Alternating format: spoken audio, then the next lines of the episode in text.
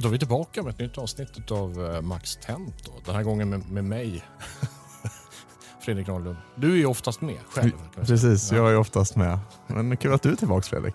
Ja men eh, verkligen, jätteroligt. Vi sitter i en eh, jättehäftig inspelningsstudio idag eh, med utsikt över norra latin egentligen. Ja precis. Mm, högt upp i, i eh, på ett hotell här i Stockholm. Vi ser LO-borgen och Norra Bantorget. Och, ja, det, är, det är bra när de man bokar studioinspelningsplats hos dubbelbokar så att de behöver boka om en. Det, det är positivt. Mm. Ja men eller hur. det har sina poänger. Norra Latin är väl ett stort konferenscenter idag? Inte det? Jo, det, har, du hållit, har du hållit föredrag? Jag har inte hållit föredrag. Däremot har jag varit på föredrag. Men det var nog 15 år sedan. Så jag vet faktiskt inte hur de har byggt om och byggt till. och ja, Allt det där. Mm. Mm. Jag har funderat mycket på, jag har ju sett eh, dina Youtube-videor, uh, vi har ju pratat en del om det här. Jag är ju en sån här livslång flygnörd. Så. Uh, och då är jag med också i ett sånt här virtuellt simulator-community, Nosig. Finns på Facebook om man vill gå med och, och, flyga. Framförallt DCS, då, Digital Combat Flight Simulator. Eller Digital Combat Simulator. Uh, och det är ju hem också åt en, en hel del för detta stridsflygare som, som du själv. Fast kanske någon liten generation äldre. Vi har Lansen-piloter och, och Viggen-piloter. Och, eh, du har varit och flugit med en av dem. Mm, I Viggen, Viggen-simulatorn på Precis, mm. AIS 37 har jag flugit. Mm. Eh, och vi, får ju, vi, som, vi som då inte har någon militärflygarbakgrund får ju lära oss enormt mycket av de här riktiga gamla eh, flygarna. De här gamla krigarna. Eh, och Lansen finns ju inte med i DCS, inte än i alla fall. Det har ju varit snack om en Draken-mod som kanske är på väg. Det vore jätteroligt. Otroligt vackert flygplan för övrigt. Eh, gamla J35. Mm, jo, det är nog eh, det är ett väldigt unikt utseende också och fantastiskt revolutionerande design på sin tid. Så att, eh, ja, och det är flygplan som uppfann den här Cobra-manövern dessutom. Mm, jajamän, ja, jajamän. Ja, ja. Eh, SK60 finns som mod så man kan flyga SK60 med, med eh, Arak under, under vingarna. Eh, Attackraketer, precis. Ja, precis. Mm. En otroligt ambitiös sån här gratis mod från, från communityt också. Då. Och sen har vi förstås eh, Attack-Viggen, eh, AJS 37 som du flög. Eh, och det, ja, det fanns, vad fanns det? Drygt 100, jag tror det fanns eh, 48 rena AJS och sen fanns det massa spaningsplan som dessutom kunde bära sjömålsrobot och, och bomber och kunde utföra attackuppdrag. Också flygfoto. Mm. Personer, tror jag. Och jag är inte säker. Jag tror att attackväggen möjligen kunde bära Skyflash. Osäkert. Men det var ju Sidewinders annars. Eh. Ja precis, jag vet att JA hade ju Skyflash och sen på slutet D-varianten där, eh, Amram, det pratade vi om när, när jag intervjuade eh, Stefan Kale och Mikael Grev och så, eh, att, de, att de fick den där. Men jag är osäker på om AIS-varianten den hade väl inte någon riktig eh, air-to-air -air eller jaktradar på det sättet som eh, JA-varianten hade. Så den, ja, det blir väl en liten skillnad säkert. Mm, just det, det är klart. Mm. Det är ju det som gör att man inte kan styra in. Okay. Mm. Eh, men, men trots det här så är intresset i, i communityt och rent generellt för BVR-strid, alltså robotstrid, jaktrobotstrid utanför vad man kan se med ögonen. Eller hur ska man... Mm. hur ska man Beyond visual range står det på engelska. Precis. Vad säger ni? Finns det något svenskt uttryck för det? Det är ju så på stridsflygdivisioner idag att man pratar ju engelska. Eh, jag var ju på den första kullen där man körde engelska även på GFU, eh, GFU alltså grundläggande flygutbildning. Innan hade man kört på svenska och sen så gått över på engelska.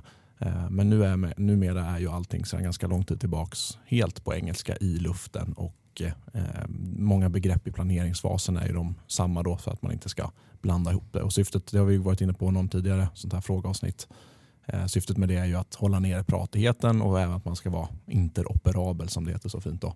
Mm. Och ska kunna kriga tillsammans med ja, våra kommande allierade. När vi spelar in det här så har ju Turkiet eh, Precis godkänt precis. Godkänt. Ja. Så nu är Ungern kvar då. Eh, och sen så ska ju presidenten Erdogan också då, om jag har förstått det hela rätt nu, skriva under. Så att eh, våra framtida allierade i NATO. Så att vi strider ju på engelska vilket gör att många av de begreppen vi använder har ju blivit på engelska. Eh, och BVR då som sagt beyond eh, visual range, alltså utanför vad man ser och sen så har du VVR då, eh, W, enkel VR, within visual range då.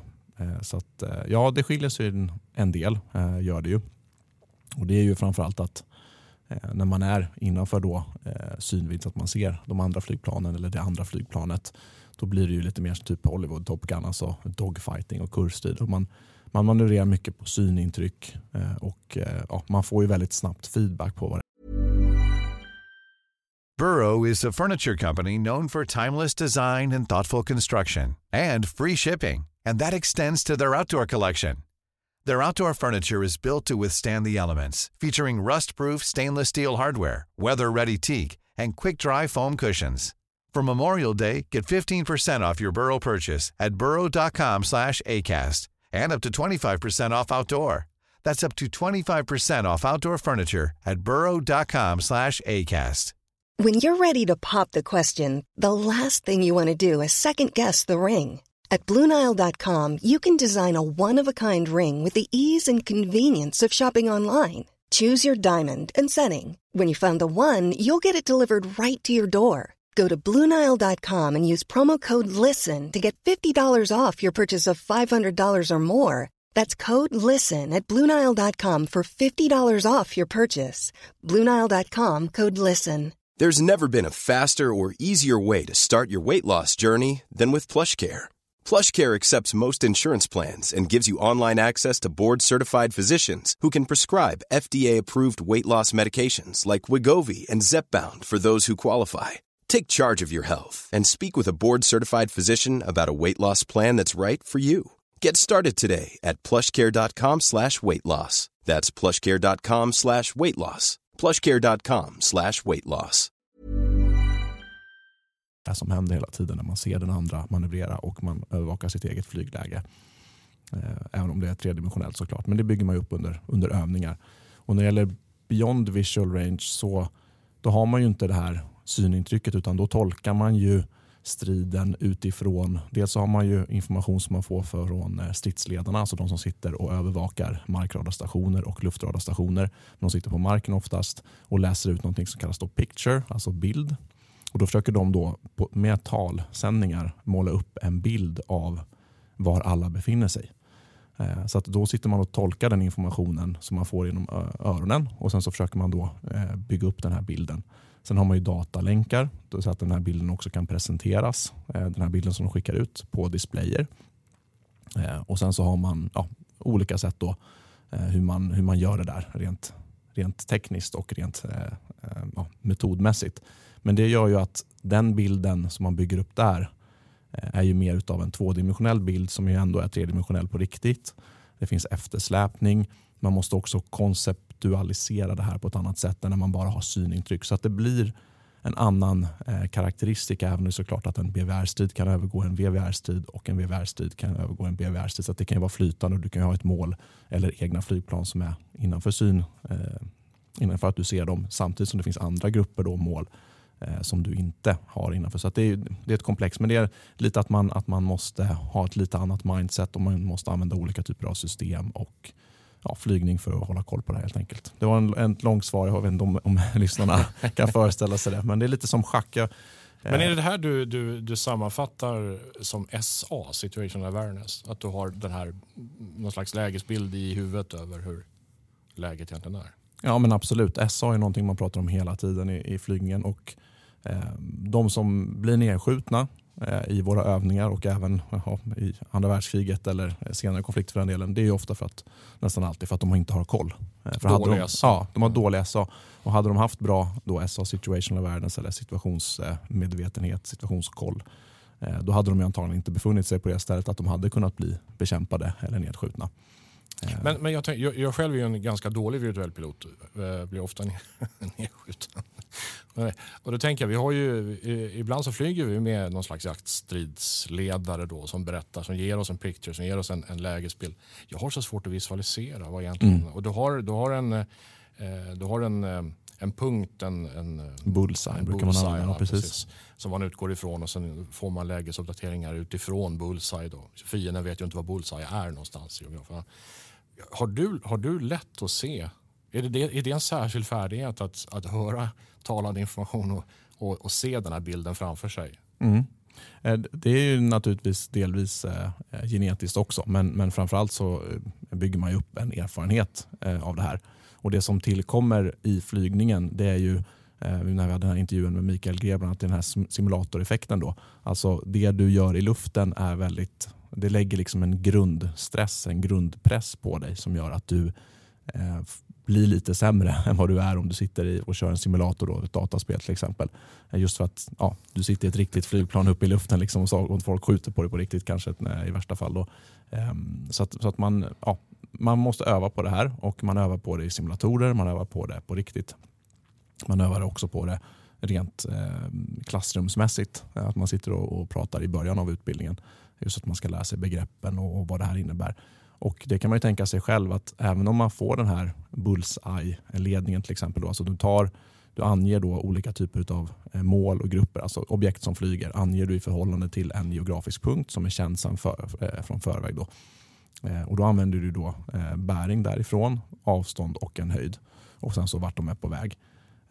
Och ju fler mål, ju fler grupper som blir utlästa, desto fler grejer blir det naturligtvis att hålla koll på i huvudet om du bara har den här talledningen. Eh, så att, eh, ja. för förändras ju lägesbilden också. Kanske ja. något blir nedskjutet eller någon enhet flyttar på sig. Eller ja, och du själv, flytt, på sig. du själv flyttar ju på dig också. Ja, just det. Ja. Ja, mm. Du ska ju flyga ditt flygplan också och du själv rör dig. Så det är ju, det är ju tredimensionellt schack fast inte turordnat och det liksom sker i 1000 km i timmen eh, från båda hållen. Så 2000 km i timmen i närmande fart. Men delvis genetiskt i alla fall. Så det, det jag är... som har övat en hel del på det här och hela tiden misslyckas, jag är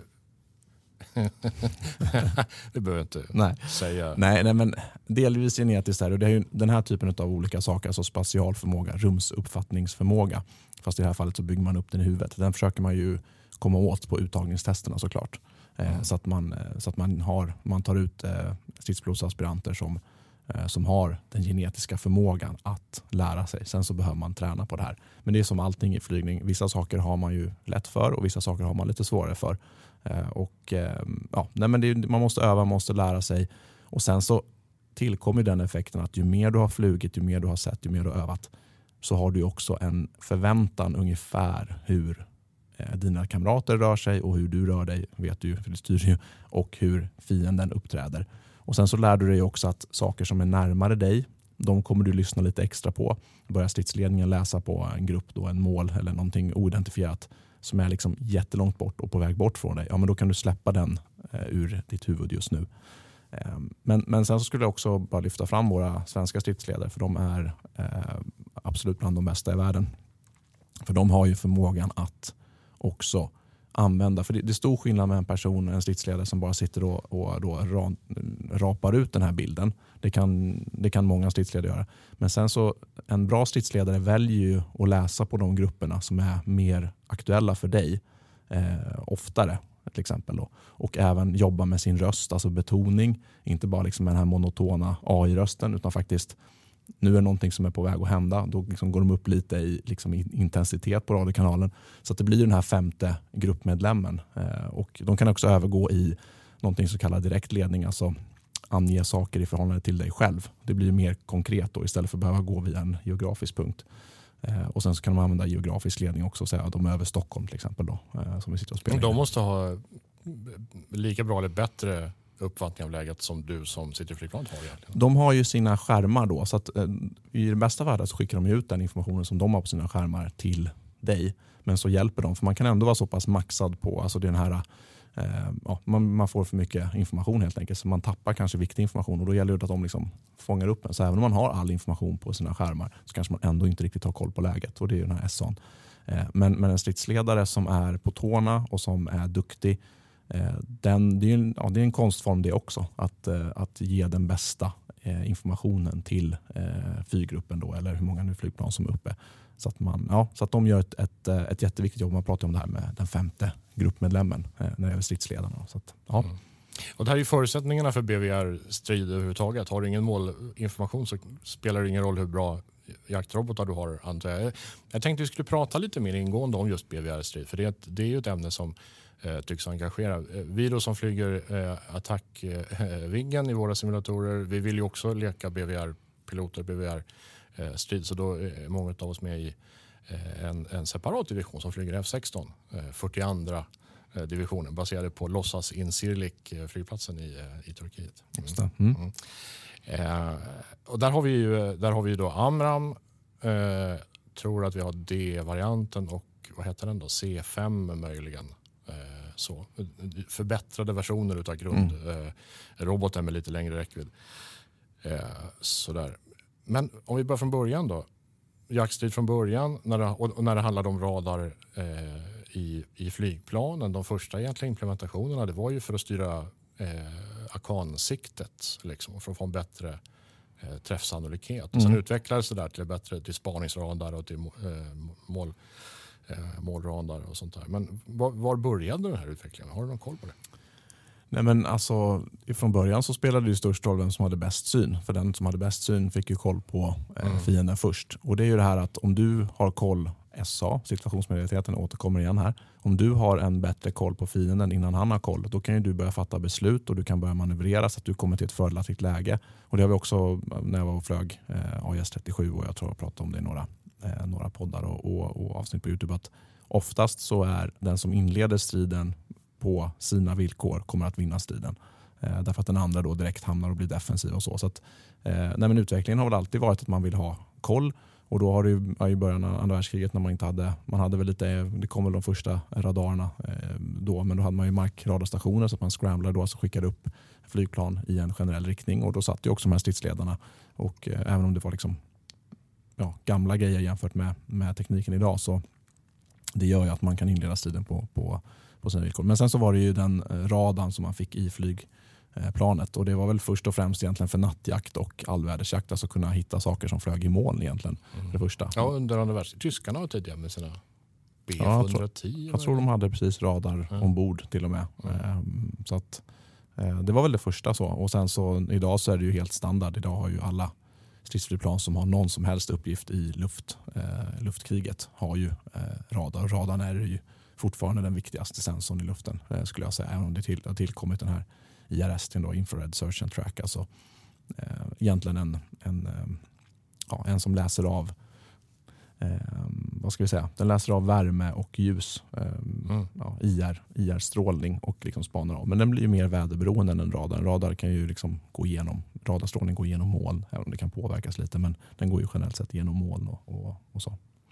Men den första eh, roboten med lite längre räckvidd. eh, Jag menar, vi hade ju ett gäng väldigt tidiga robotar som var eh, generellt väldigt dåliga också eftersom sensorerna inte var så utvecklade på den tiden. Men sen kom ju Sparrow, den här AIM-7. Va? Jag tror den heter Eh, precis. Ja, och den, den, den, eh, den var ju eh, passiv radarsökare så du var tvungen att belysa målet Mm. ända fram till träff då, med ditt flygplan. Du kunde inte, du kunde inte gå åt sidan så mycket. Nej, precis. Semiaktiv eh, radarrobot kallar man det. ja, ja, precis. det, precis. Vad, vad innebar den för jaktstriden då? När den kom? Ja, men det, den typen av robotar var ju de första som gjorde att man kunde skjuta då utanför eh, synvidd. Eh, så länge man hade en radarlåsning då, eh, vilket man ju kunde få innan. Eh, så först var det väl att man kunde eh, låsa på och få en koll på mål och göra anflygningen för att sen skjuta då en, en IR-robot till exempel, då, eller IR-missil, alltså eh, infrarödssökande, alltså värmesökande robot kan man säga. Mm. Ehm, och ska vi gå hela vägen till början så var det först kulsprutor, sen så var det automatkanoner som fick ytterligare lite räckvidd. Eh, men då sköt man ju det liksom med sikten eh, och då var det inte radarstöttat utan då fick man ju liksom höfta med sina sikten. Eh, det är ganska långa avstånd då, flera hundra meter med automatkanon. Och efter det så kom ju de här jaktraketerna. Och då fick de ytterligare avstånd eller räckvidd jämfört med automatkanonen. Och där någonstans så, ja, det kan man ju tänka sig själv att man åker i luften och det andra målet rör sig tredimensionellt. Du själv rör dig tredimensionellt och så skjuter du någonting som bara går rakt fram. Eh, Ja, då måste du skjuta någon form av salva och du måste ändå ha inriktning. Så att det här var ju ganska tidigt att man insåg att det här är ju bra grejer. Liksom så. Eh, Och sen så IA-robotarna då att de kunde till och med ha en målsökare som gjorde att de, att de sökte sig mot målet. De inte bara åkte eh, rakt eh, fram. Men, eh, nej, men det blir en stor skillnad. Eh, det som är med semiaktiv robot, som sagt, det som du var inne på där Fredrik, att då måste man ju ha belysa målet med sin egen radar fram till träff. Alltså Eh, du belyser målet och sen så reflekteras då radarstrålningen eh, tillbaka till roboten och roboten så att säga eh, homar in på, på det. Så att om du själv då, en radar idag har ju ja, den riktar en, flygplans nosradar, den sitter i nosen och den är riktad framåt. Och så att säga, Om du svänger bort då så kommer ju den här semiaktiva roboten inte att få någon styrning mer och då kommer den ju att missa. Visst, det finns ju en liten sannolikhet att, att den kan liksom råka åka in i det andra flygplanet men det är ju extremt osannolikt.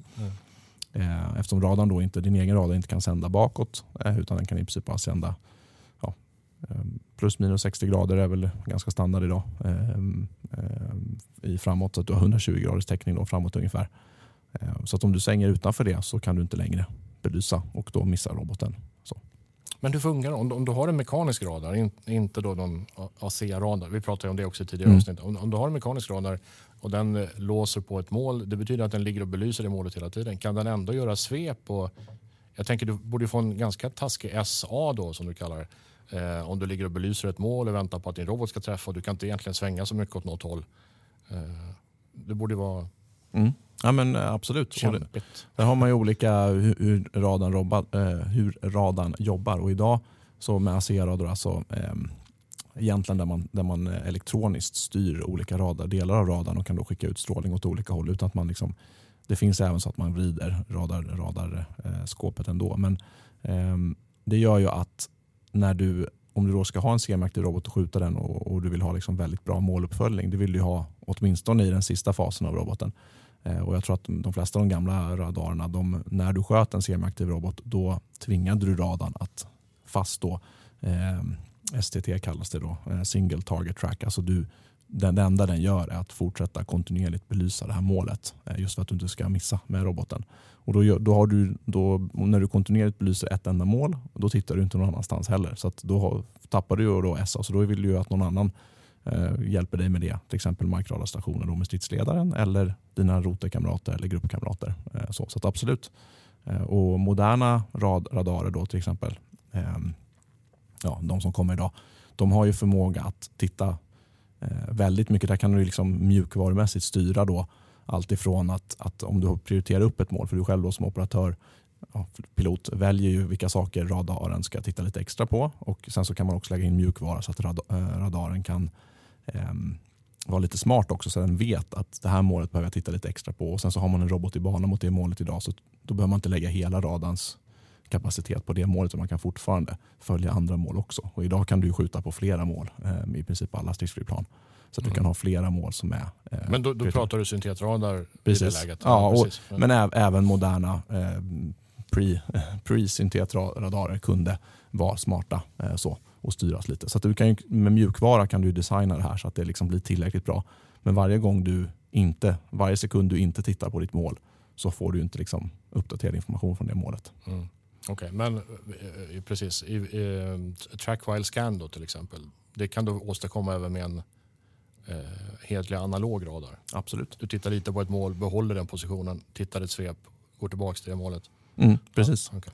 Men det här innebär att när Sparrow-roboten kom då, AM7, så måste det ha inneburit en, en taktikförändring också. Det räckte inte med en, en ny robot, ett undervapen, utan du måste dessutom förändra taktiken så att du har ett annat samspel mellan roterkamrat och, och etta. Och sådär. Mm. Ja men absolut. Och eh, dessutom så blir det ju, eh, påverkar det antagligen vad motståndaren gör också. För de, när det kommer nya vapensystem så Eh, så analyseras ju det såklart av den andra sidan. Och eh, då gör man ju antaganden. Om det inte har varit liksom en, en, en, konflikt så gör man ju antaganden om vad det här innebär. Och man försöker liksom underrättelsetjänsten ta reda på vad den här eh, roboten kan göra och vad den inte kan göra, vad den har för svagheter och för styrkor. Och så kan man ju anpassa sin, sin taktik då.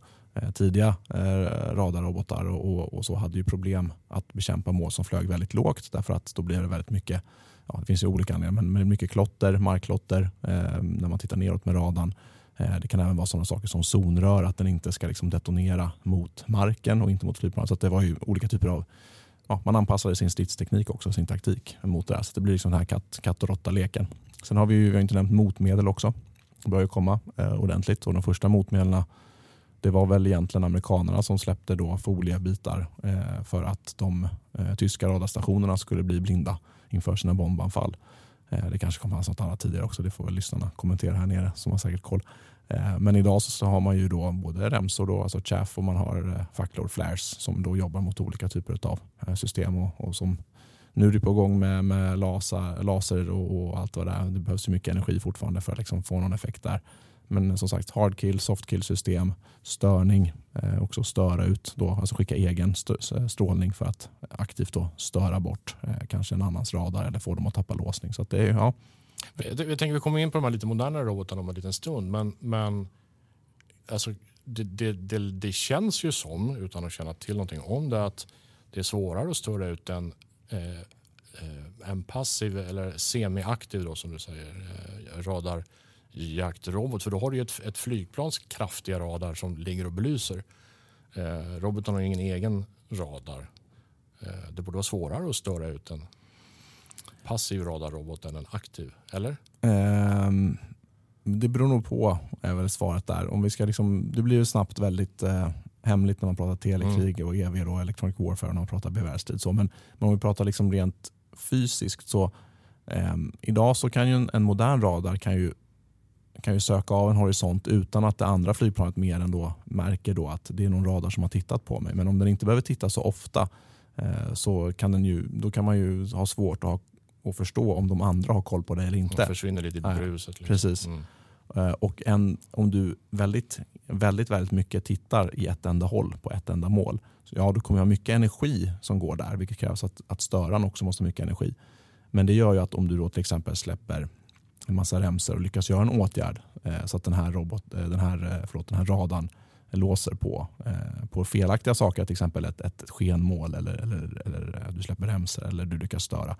Om du då liksom manövrerar dig ur den här väldigt smala loben som den blir då, då kommer den ju antagligen ha svårt att hitta. Medan om du har en mer öppen lob, alltså du söker ett större område, då kanske du kan åter, återlåsa snabbare. Så det, det beror lite på mjukvara, det beror på mm. lite vad det är som händer. Så. Men, eh, och hur du som pilot jobbar också med ja, absolut. dina instrument. Mm. absolut. Eh, motståndarsidan, de ryska robotarna, eh, det finns ju ett gäng. Eh, de klassificeras som AA, en siffra i, i NATO-terminologin. Och det är väl det ni använder i flygplanen idag, antar jag? Precis, vi använder ju NATO-terminologi så ibland när folk börjar prata om R27 och sånt här så har jag ingen aning om vad de snackar om eftersom jag bara har, har lärt. Man får prioritera den informationen man lär sig ibland. Men, ja, men så är det. Ja, de har ju ett, alltså ett ryskt, en rysk beteckning, eh, till exempel R27 och sen så har man en, en NATO-beteckning, alltså en, en NATO reporting name. Och då finns det en logik i hur man, hur man har. Så att NATO har ju eh, rapporteringsnamn på eh, alla, eh, alla ryska system. Mm. Ja, precis. When you're ready to pop the question, the last thing you want to do is second guess the ring. At Bluenile.com you can design a one-of-a-kind ring with the ease and convenience of shopping online. Choose your diamond and setting. When you find the one, you'll get it delivered right to your door. Go to Bluenile.com and use promo code LISTEN to get $50 off your purchase of $500 or more. That's code LISTEN at Bluenile.com for $50 off your purchase. Bluenile.com code LISTEN. Wow! Nice! Yeah! What you're hearing are the sounds of people everywhere putting on Bombas socks, underwear, and t shirts made from absurdly soft materials that feel like plush clouds. Yeah, that plush. And the best part? For every item you purchase, Bombas donates another to someone facing homelessness. Bombas. Big comfort for everyone. Go to bombas.com slash ACAST and use code ACAST for 20% off your first purchase. That's bombas.com slash ACAST. Code ACAST.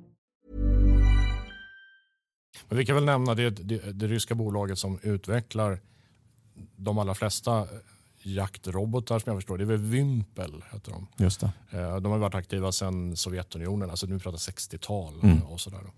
Eh, men okej, okay, eh, den som heter Vimpel R27, AA10 är då Alamo tror jag. Ja. Exakt. Den dök upp redan under Sovjettiden, 83. De finns fortfarande kvar i, i, i bruk och har utvecklats i, i flera olika steg. Har dessutom vilket är lite unikt, två olika målsökaralternativ. Den kan både söka eh, värmestrålning och, eh, och radar, eh, radarsökare. Då. Jag tror det finns en signalsökande variant också. Det också? Ja, ja den, den finns lite blandad kompott. Så det är samma kropp i princip och sen sätter man, ändrar man nosen. Då. Ja, nu, nu får du låta enkelt. Jag tror ja. det är ganska... det är bara, det är bara byta. Det är bara byta. Ja, Lego. Ja det sägs att, att ryska robotar Eh, precis som ryska jaktplan är dåliga på att, att eh, urskilja mål mot marken. Den här look-down eh, förmågan, också shoot down förmågan är, är rätt taskig i ryska system. Ligger det någonting i det eller är det en myt bara? Ja, man kan väl prata lite generellt om fysik. Ja, det blir alltid, eftersom A10C då, eh, som är den eh, semiaktiva varianten, den är fortfarande en av de absolut vanligaste eh, ryska jaktrobotarna. Och, ja, det är inte det dimensionerade hotet längre men det är fortfarande någonting som absolut är någonting som är väldigt, ja, någonting man övar väldigt mycket mot fortfarande. Så jag kan väl inte prata så specifikt, det blir lätt hemligt. så. Men om man pratar rent generellt så eh, Dopplerradarer då som vi pratar om här, alltså radarer som egentligen Eh, de är, de är tränade att hitta eh, saker som rör sig. Eh, kan man säga då. För när ett mål rör sig då mot dig eller från dig så förändras. Eh, jag är ingen fysiker här som sagt. Ni får gärna kasta in alla, alla fysiker här i kommentarsfältet. Men, men på stridspilotnivå så räcker det att konstatera att när ett mål rör sig mot dig eller från dig så får du ett dopplersvar på det med din egen radar. Och Det gör att du också då kan urskilja det. Och Det innebär också att när du tittar om du har en dopplerradar och letar neråt så marken rör sig ju inte eh, mer än att du rör dig. Så det blir en viss, viss eh, liksom, eh, problem med det. Men generellt sett om du inte hade haft doppler då hade du hittat allting. Eh, när du är uppe och tittar neråt så hade det bara varit en enda stor massa med ekon. Så du behöver ha doppler om du ska liksom kunna operera i ett luft, eh, luftkrig då, eh, som ett stridsflygplan eh, eller stridspilot för den delen. För, förlåt om jag mm. kommer in här, bara försöka lite förenkla. Jag är inte heller någon fysiker men eh, det är väl så att eh, våglängden blir ju kortare eh, om du rör dig mot ett mål och längre om du rör dig ifrån ett mål. Det stämmer säkert. Ja. så, så marken som är då, har ett, en bestämd hastighet, nämligen flygplanets mm. hastighet, den kan man eh, filtrera där, bort. Då kan du filtrera bort mm. Så det handlar om att filtrera bort den dopplereffekt som inte är önskvärd. Mm. Kan man säga så? Det kan man göra, men det finns ju alltid störningar. Alltså en radar är ju inte perfekt byggd. Så att du, du, det, blir ett, ett, um, det blir ju ett spann här som gör att du liksom inte kan e, e, urskilja um, allting direkt. så. Utan ju större ett mål är, alltså ju större radareko det har och, och mer, ju mer skillnad det är i farten mot dig eller från dig, uh, desto tydligare svar blir det här. ju. Så det gäller också för, för eh, radartillverkarna då att bygga in smarta då mjukvarufilter som filtrerar bort precis tillräckligt mycket så att du inte filtrerar bort saker som kan vara mål. Men heller inte eh, filtrera bort för lite för då får du in massa skenmål vilket ju naturligtvis tar också kapacitet. Så här gäller det för, för radartillverkarna, Eh, de som gör mjukvaran. För mycket, mjukvaran är liksom lika viktig som hårdvaran i det här fallet. Alltså hur du programmerar att eh, saker och ting ska presenteras för piloten. Eh, så det gäller att de har eh, koll på läget. Och för att återkomma till din ursprungliga fråga. Eh, man var generellt sett, de tidigare radarerna hade väldigt stora problem att se neråt därför att det finns markklotter. Alltså lookdown har generellt ut ett problem. Så man ville hellre eh, flyga lågt och titta uppåt för då fick man mycket tidigare koll på läget. Då. Och samma sak, tidiga robotar, när de skjuts neråt så blir det samma sak där. att när de öppnar sina egna målsökare eller att du själv då med din egen eh, radar från flygplanet belyser och det är en semiaktiv robot då eh, så innebär det att i slutfasen då om det andra flygplanet är väldigt lågt så kan det bli väldigt svårt att, att urskilja det här målet mot markklotter då, som man eh, pratar om. Mm, just det. Och för att göra det ännu mer komplicerat så kan ju också det här målet då manövrera in i någonting som kallas nolldoppler. Alltså man försöker lägga sig precis i tvärs mot det, målflygplan, det flygplanet som skjuter på dig. Eller där roboten är. Då. Du får samma laterala hastighet Exakt. som marken. Ja, eller du närmar dig åtminstone markens mm. laterala hastighet. Då. Eh, och Det innebär ju att beroende på mjukvarufilter, var, exakt var andra flygplanet är och så vidare så kanske det blir en så pass svag låsning eller man till och med tappar låsningen vilket gör att man tappar roboten eller ja, vad det nu kan vara. Och så lägger du till störning och du lägger till remsor, motmedel, du lägger till skenmål och, och så vidare. Så att, eh, det är hela tiden här katt och råtta-leken. Så att Förr i tiden så var det mer att man försökte jobba sig lågt och titta uppåt för att få eh, låsningar. Då. Ehm, så det var ju mycket taktik med det där såklart. Mm, mm. Men rent generellt, jag förstår att det är framförallt hemligt hur mycket vi, vi vet om ryska robotar. Eh, ryssarna vet ju förstås, men vad vi vet det måste ju vara hemligt. Men kan man säga någonting generellt om hur pass bra de ryska jaktrobotarna är då?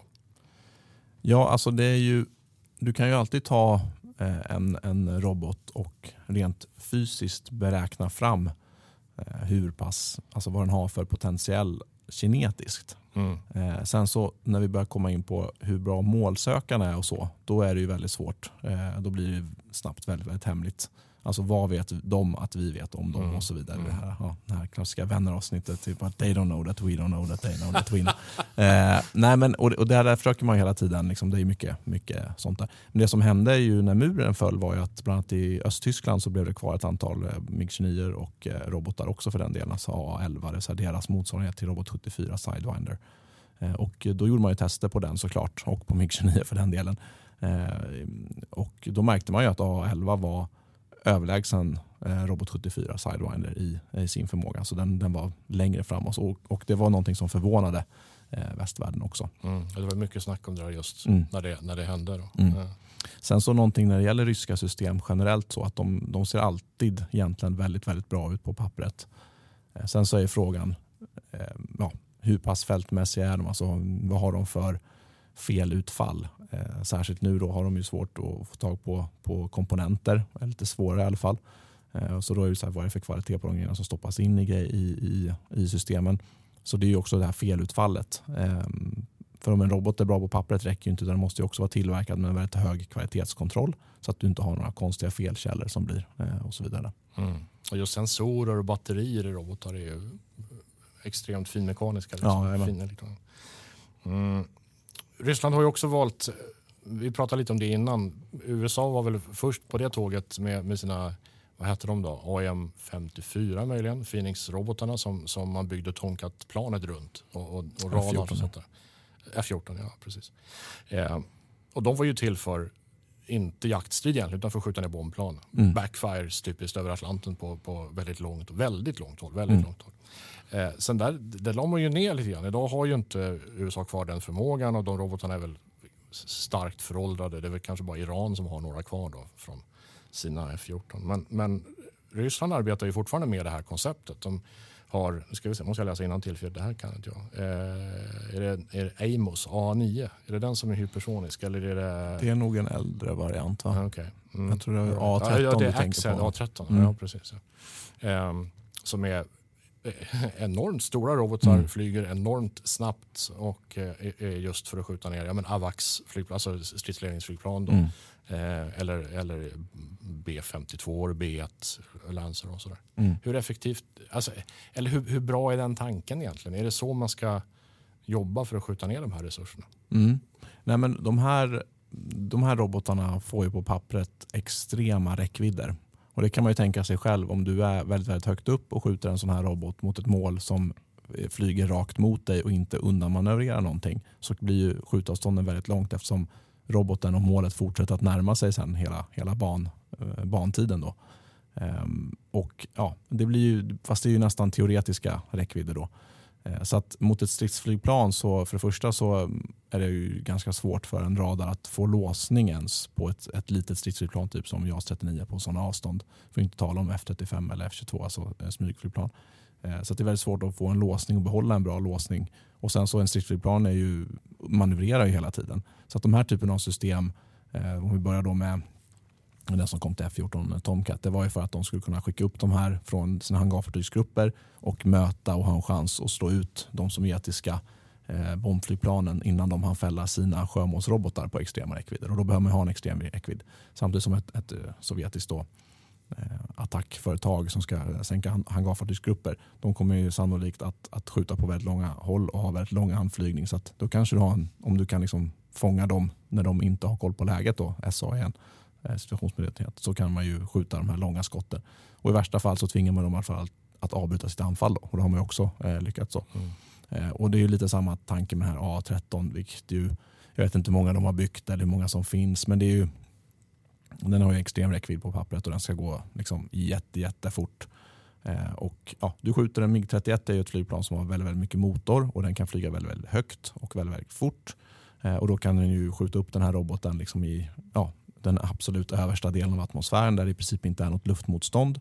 Och De här robotarna behöver ju inte syre för att drivas framåt heller utan de har ju, eh, de har ju en puls och sen så åker de ju fram, framåt. Då. Eh, så att de brinner utan krav på syre. Eh, så de behöver inte ta in syre. Så att de, de kan få väldigt, väldigt lång räckvidd. Men så fort ett mål då börjar manövrera ner från en hög höjd mot en låg höjd eller att det manövrerar överhuvudtaget så tappar den ju räckvidden jätte- jättesnabbt. För sen när den här roboten då ska gå ner i atmosfär, i den tjockare luften, mm. då blir det ju jättemotstånd. Mm. Och då har den inte längre någon, något bränsle att brinna utan den glidflyger ju sista biten. Det är ju så i princip alla, utom då kanske eh, Meteor, precis så som alla eh, moderna jaktrobotar funkar. Att man har en kort initial boostfas som det kallas. Och då skickar man upp den här roboten liksom högt upp och sen så eh, resten så glidflyger den. Då. Mm. Eh, så att, ja, Men är det, är det, en bra idé att ha den typen av robotar? Om, om, skulle du vilja att Sverige hade en jättestor, jättelång räckvidd, jättesnabb robot för att skjuta ner ryska spaningsplan? Och... Mm. Ja, det blir ju den här uh, katt och råtta-leken igen. Om vi har det så måste motståndaren ta hänsyn till det. Eller så kan det hända grejer. Om vi tittar på den här äh, A50 som nu sannolikt, då, eller troligen, beroende på vad man lägger för, för bedömningskriterier, blir nedskjuten då av någon form av äh, eh, ukrainsk insats. Då låg den ju väldigt, väldigt långt ifrån fronten. Eh, och de, de flygplanen har ju typiskt, de flyger ganska långsamt, de flyger ganska högt och de flyger ganska förutsägbart. Och då har man den här typen av robot, då kan man ju hota de här extremt eh, viktiga och värdefulla resurserna som inte finns så mycket Kanske av. får dem att flytta bort från eh, Precis, då måste, de, då måste de vara längre bort och då får ju då, händer, då får du ändå sämre SA då, alltså om de här radarspaningsflygplanen då, AVAX, alltså Airborne eh, Warning and Control, då får ju de ja, sämre möjlighet att lösa sin uppgift. Eh, och, ja, då kanske du kan börja närma dig med dina andra flygplan. Så det blir den här katt och råtta-leken hela tiden. Så det är klart att när du har någonting, även om du har en ganska liten antal, så måste ju motståndaren hantera det. Eller så kan du använda det då kanske, om han inte hanterar det, som A50 här. Du, du nämnde Meteor. Det är väl så nära man kommer i Europa i alla fall till, till ett just sånt vapen. Det är, det är inget eh, eh sådär eh, jättestort, eh, jättestor robot som, som ryssarnas eh, Axhead då, men, men eh, den jobbar på ett annat sätt. Den har ju en ramjetmotor istället, så där har du inte eller säg så här, en vanlig raketmotor där har du ju syret inbyggt i raketmotordelen. Mm. Eh, det har du lite i Meteor också men du kan också använda atmosfärens syre för att eh, öka driftstiden, då, öka tiden som motorn brinner helt enkelt. Då. Så den har ju en räckvidd på pappret återigen som är väl dubbelt så lång som den mest eh, långräckviddiga Amram-roboten idag. Då. Eh, Sverige har Meteor. Jag förstår åtminstone kan Gripen bära Meteor. Vad har Meteor inneburit för BVR-striden? jämfört med Amram och jämfört med ryssarnas? Nej, men framförallt längre räckvidd. Eh, och, eh, ja, du, ju längre räckvidd du har desto bättre är det ju såklart. Du kan skjuta på längre avstånd. Och som du var inne på där, den har ju sin boostfas och sen så har den då någonting som kallas sustain, alltså den, då den eh, tar in syre och har den här ramjätten i drift istället. Och då får den ju, ja, den kan ha en, en längre räckvidd egentligen, det är väl det enklaste sättet att förklara. Eh, men det innebär ju också, alltså allting är ju när det gäller stridsflygplan, när det gäller flygplan för den delen och när det gäller robotar så är det alltid en avvägning av olika saker. Och eh, Det här innebär ju att en, eh, en AMRAM kommer ju eh, i teorin kunna vara, den har ju mindre motstånd eftersom den inte behöver de här luftintagen till exempel. Eh, och Det innebär ju också att den antagligen blir svårare att hitta Eh, Eh, den tillför mindre radarmålaria radarmålarea på när den hängde under vingen till exempel. Och den tillför mindre liksom, motstånd eh, än en, en meteor när en meteor hänger under vingen. Så att du, får ju, du får ju luftmotstånd av det som stridsflygplan också. Så det, det är avvägningar hela tiden. Men det här innebär ju att man kan ta skott på längre håll. Ja. Och man får liksom, ja, man kan hota motståndaren under längre, mycket, mycket längre och då måste motståndaren anpassa sig till det. Eller så kanske man till och med kan skjuta ner dem innan de fattar att det är någonting som är på gång. Då. För det är först i slutfasen som eh, radar, moderna radarjaktrobotar öppnar upp sina egna målsökare och hittar målet. Och då kommer de flesta stridsflygplan märka att nu är det liksom en, en, en, robot som har öppnat målsökaren och tittar på mig och då är det dags att liksom börja göra grejer. Ehm, så att, ja, nej, men det, det, är ju, det har hänt jättemycket. Jag hade med eh, den roboten på, på lite övningar då, simulerat. Och, eh, ja, nej, men det är svårt det var ju svårt att komma åt oss även om man hade då moderna Amrams. Eh, just eh, för att ja, man hade längre spjut än vad de hade. Liksom. Mm. Och det räknas? Absolut, det mm. spelar stor roll. Eh, sen så är det klart att det spelar också roll vad du har för bärande plattform, alltså vad, den, vad stridsflygsystemet som du flyger har för radar. För ju sämre, om den har för dålig radar kanske du inte kan nyttja den här lång, längre räckvidden för du inte kan hitta mål. Till exempel, till exempel om du slåss mot smyg, alltså stealth flygplan så att du måste ju hitta målet för att kunna skjuta på det.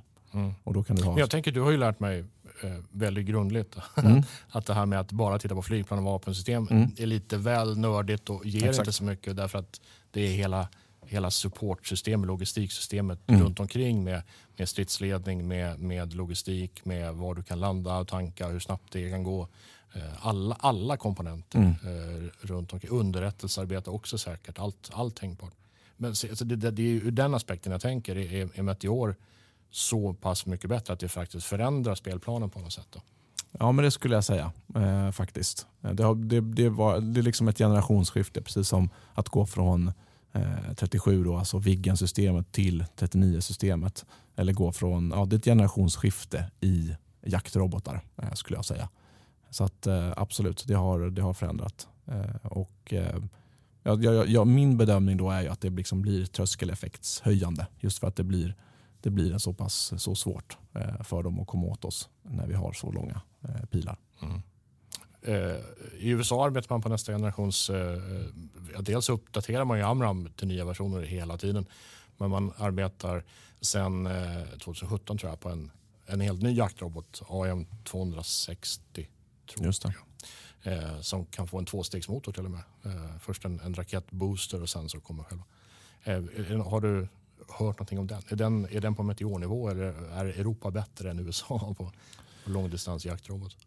Nej, men det, alltså det händer ganska mycket just nu när man tittar på hur man kan göra övergångar från och det, de som man pratar pulsjet, ramjet och alla de här eh, sakerna. Eh, så att jag tror att man, vi kommer se liksom generellt sett bättre, längre räckvidder. Men någonting som också är minst lika viktigt det är ju alltså mjukvaran och störskyddet och målsökare och sånt också. Det är ju jätte, jätteviktigt. Du nämnde batterier innan, det är också en sån här sak.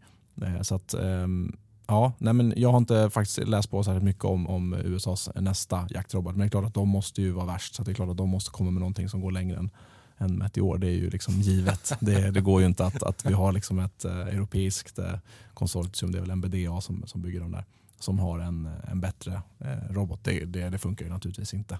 utan det måste USA vara störst, bäst och vackrast. Men eh, sen gäller det liksom att radarer hänger med också och som sagt smygegenskaper, telekrig. Eh, för hittar du inte målet så kan du inte skjuta på det. Mm. Ja, det är en, en, en viktig synpunkt. Ja, ja, Och vet du inte att målet ens är där så att du le kan leta efter det, då kan, kan du inte heller det. Så det, det, det, är mycket, mycket katt och råtta eh, lek. Då. Eh, jag hade också, pratade med Mikael Grev och, och, och Stefan Kale som båda har flugit Jaktviggen, eh, de senare versionerna. Då hade man ju Skyflash mot A10C. Eh, alltså den här eh, ryska semiaktiva roboten och då mot Su-27. Och då var det ju så att då fick man ju vara flera stycken som angrep från flera håll då. För att han kunde bara titta åt ett håll i taget då och så försöka komma in. De har lite sämre då kanske eh, lookdown, alltså man får komma underifrån så att de inte har koll på en. Och, ja, man, får, man får helt enkelt taktikanpassa. Eh, och det är ju det är så man måste göra. Om man ska ha en chans mot någon som har tekniskt sett bättre system. Mm. Så. Men vi pratade också om det innan, precis som du nämnde Fredrik.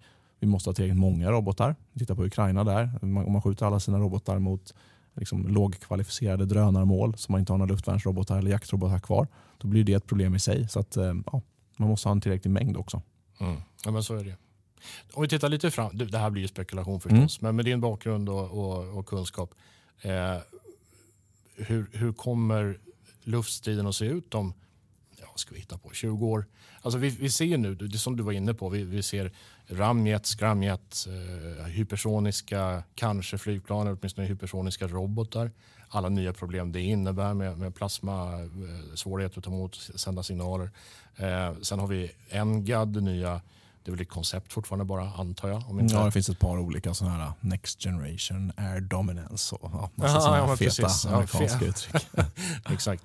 Eh, men, men ett spår som de verkar vara inne på på flera håll är ju eh, tanken kring drönare. Att du har ett flygplan som är AI-styrt som är din rote 2 kanske när du flyger. Som kan, eller som, som bara finns där som vapenbärare medan du har radarn. Eller den har radarn och du har Det finns olika tankar kring det där. Hur tror du själv att liksom, de här luftstridssystemen kommer att se ut i framtiden?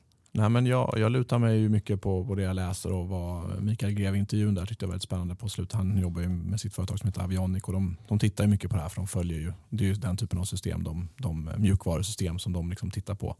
Och eh, nej men just det här att vi under nästa generation, alltså sjätte generationen, om, om femte generationen är eh, F35, F22. Eh, så sjätte generationen tror man ju, de flesta i alla fall, att det kommer också vara bemannat. Eh, alltså vi inte kommer köra 100% drönare, man kommer vilja ha en människa som följer med upp. Men att den här kommer att eh, ja, utökas med extra då. Ja, Loyal Wingman var ju någonting som det hette förut. Då. Alltså man har obemannade eh, teams tillsammans med bemannade. Så att en bemannad styr också de här obemannade. Och då inte liksom att man sitter med en extra joystick i cockpit utan det är mer att ta det så att du kan börja bekämpa det här målet eller håll, spana av det här området. Alltså du ger en upp, uppgifter, inte detaljstyrningar. Så alltså, mm. AI, AI. Uppdragstaktik. Ja, precis. Mm. precis. Mm. Därför att du, du kommer ha så mycket workload som det är idag. Idag handlar mycket om att vara en duktig stridspilot på att analysera tillräckligt mycket information. Och då ska man ha ett, ett flygsystem, alltså flygplan med mjukvara och hårdvara som gör att man inte får information presenterad som man inte behöver. För varje sak som man måste tänka på extra gör att man tappar någonting annat kanske. Man har bara en viss mängd liksom, fokus, trots att man är stridspilot och liksom, naturligtvis övermänniska och allt det där. Eh, så trots det så har man bara en viss mängd saker man kan hantera. Mm. Och, eh, så det gäller ju att presentera rätt information och det, där kommer jag AI naturligtvis hjälpa till. Nej, men så att man, man kommer nog ha, och det, det tror jag också är en sån sak, att man kan den sjätte generationens flygsystem det kommer ju liksom vara någonting som man får dras med ganska länge, under ganska många år för att det är så dyrt att utveckla. Men sen att de här äh, Loyal Wingman, alltså de här drönarna eller äh, de här extra som man har till och, och kombinera ihop med den här bemannade, de kanske man kan köpa eh, flera olika sorter som har olika uppgifter och de kanske man kan omsätta lite snabbare för de behöver ju inte eh, de borde kunna få en, en kortare utvecklingskurva än de här eh, bemannade sakerna. Då. Och också att man mycket på ett mer effektivt sätt kan simulera dem så att de kanske inte ens behöver följa med upp i luften någon gång. Utan du, du skickar upp den här sjätte generationens kärra eh, med bemannad, ett antal sådana och krigar. Men att man, har då, man, man kan simulera de här så pass bra att de, de kanske bara klarar ett visst antal pass och då kan de bli lite billigare. Men de behöver inte flyga ja, de här passen okay. under övning utan de kan vänta till det blir skarpt. Och man kan mm. också köpa in nya. Och liksom att det är ett, ett, ett system som utvecklas mer som håller längre för att du kan uppdatera det på ett, på ett enklare sätt än, än idag kanske. Eh, så att, eh, nej men jag tror att det, det är klart det kommer bli robotar som går längre, det kommer finnas mer motmedel, det kommer finnas mer ja, telekrig, det kommer finnas mer eh, drönare så att, alltså, som flyger som riktiga mål men som är skenmål som du kan skicka ut. Det kommer ju vara mycket, mycket mer av allt det där såklart. Men kommer, ska man säga, essensen i, i, i luftstriden att vara densamma? Är det, är det fortfarande samma parametrar att hålla reda på eller kommer det att vara ett helt, ett helt nytt tankesätt för en pilot? Jag tror att det kommer vara jag tror att vi gjorde en större, större skillnad än har vi nog gjort nu när man fick AMRAM då och man gick verkligen över till en BVR-strid. Eh, just det här att man, man blir mer utav, jag tror vi har gjort det skiftet redan, alltså man är mer utav en systemoperatör som stridspilot än en ren spakapa. Då. Alltså pilot skills, det är inte den som bäst kan kurva in och skjuta automatkanon på den andra. Det är inte det som kommer vara det mest utslagsgivande eh, i framtiden. Det kommer vara de här hur bra du är på att vara operatör. Alltså förflytta ditt flygplan och ha koll på SA, då, situationsmedvetenheten. Eh, och ja, kombinerat då med de sensorer som finns på marken och stridsledningen och allt det där. Så jag tror att man kommer bli ytterligare mer operatör. Och man kommer ju naturligtvis flyga ännu mer i simulatorer men vi har pratat om den här simulatoreffekten. Man måste också flyga på riktigt. Så att, eh, för att få nerven i, ja. studien. Men, okay, men, men avslutningsvis då, är vi tillbaka i ett läge som eh, ja, när F4 Phantom kom som byggdes utan automatkanon då, till exempel. För då, då var ju epoken med kurvstrid över. Nu var allting eh, liksom långt håll och så. Är vi tillbaka där nu på riktigt då? Eller, eller kommer det fortfarande utkämpas närstrider? Eh, nej men det är ju den här katt och råtta-leken så att när vi utvecklar en bättre robot utvecklar de bättre eh, motmedel och telekrigsåtgärder. Så att idag kan ju en, en trots att vi har, eh, alltså man tar en Su-35 mot en JAS 39 Meteor, trots att liksom de potentiella bekämpningsavstånden kan vara liksom tiotals mil kanske om man liksom hårdrar det, så kommer ju med störning och allting så kan ju striden sluta med manövrerande strid. Så det, det kommer man nog ja, Alltså just när, när man plockade bort automatkanonen från F4, det fick man ju äta upp ganska mycket. Ja, ja den satte man ju tillbaka ja, sen. Ja, så jag, jag, tror ju att, jag tror ju kanske att vi kommer ha kvar automatkanonen. Jag tror det. Jag hoppas det. jag hoppas det. Jag hoppas det. Ja. Okay. Vi får se. Den som lever får se. Exakt. Mm. Eh, det var BVR-strid. BVR-teknik lite grann. Mm. Mm.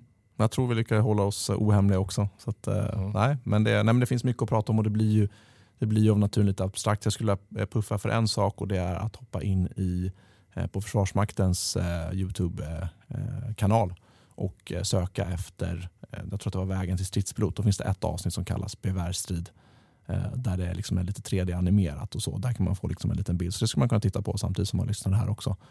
Så kanske man får en bättre förståelse. Jag hoppas att det, att, att det gick att förstå, förstå lite vad, vad jag pratade om. Ja, men sen kan man ju besöka simulatorn som du gjorde och tittade på, alltså Gripen-simulatorn. Då får Absolut. man ju en uppfattning om det här med SA och mm. hur det kan funka med, med teoretiskt med BVR-studie i alla fall. Mm. Man kan också gå med i nosig. Precis, och flyga DCS. flyga, flyga DCS, mm. exakt. Flyga F16 och få testa det här så, så nära verkligheten man kan komma mm. i alla fall som mm. civil. Mm. Ja men absolut, nej, men det finns många saker att göra. Och, ja, nej, men tack för att ni lyssnade och glöm inte att ge oss eh, ett betyg på Spotify och Apple Podcast och ge oss en like om ni hittar på Youtube. Och när ni har gett oss det femstjärniga betyget så kan ni ju hoppa ner i beskrivningen och eh, eh, bli eh, Kofi-medlemmar på kanalen. Då får ni möjlighet att ställa lite frågor i förväg också. Eh, vi, har, vi kör lite AMA-avsnitt och även eh, har lite gäster. Så att då får ni möjlighet till det också. Och det går att köpa en eh, kaffe där med Swish också. Eh, bjussa på det om man vill det. Och hoppa in på 9xg.se om man vill köpa lite snygg merch, lite t-shirt och sånt. Men eh, ja, nej, men annars så jag tror vi är nöjda där Fredrik. Eller? Mm. Ja, kanon. Tack för idag. Tack för idag. Mm. Ha det bra. Mm. Fly safe.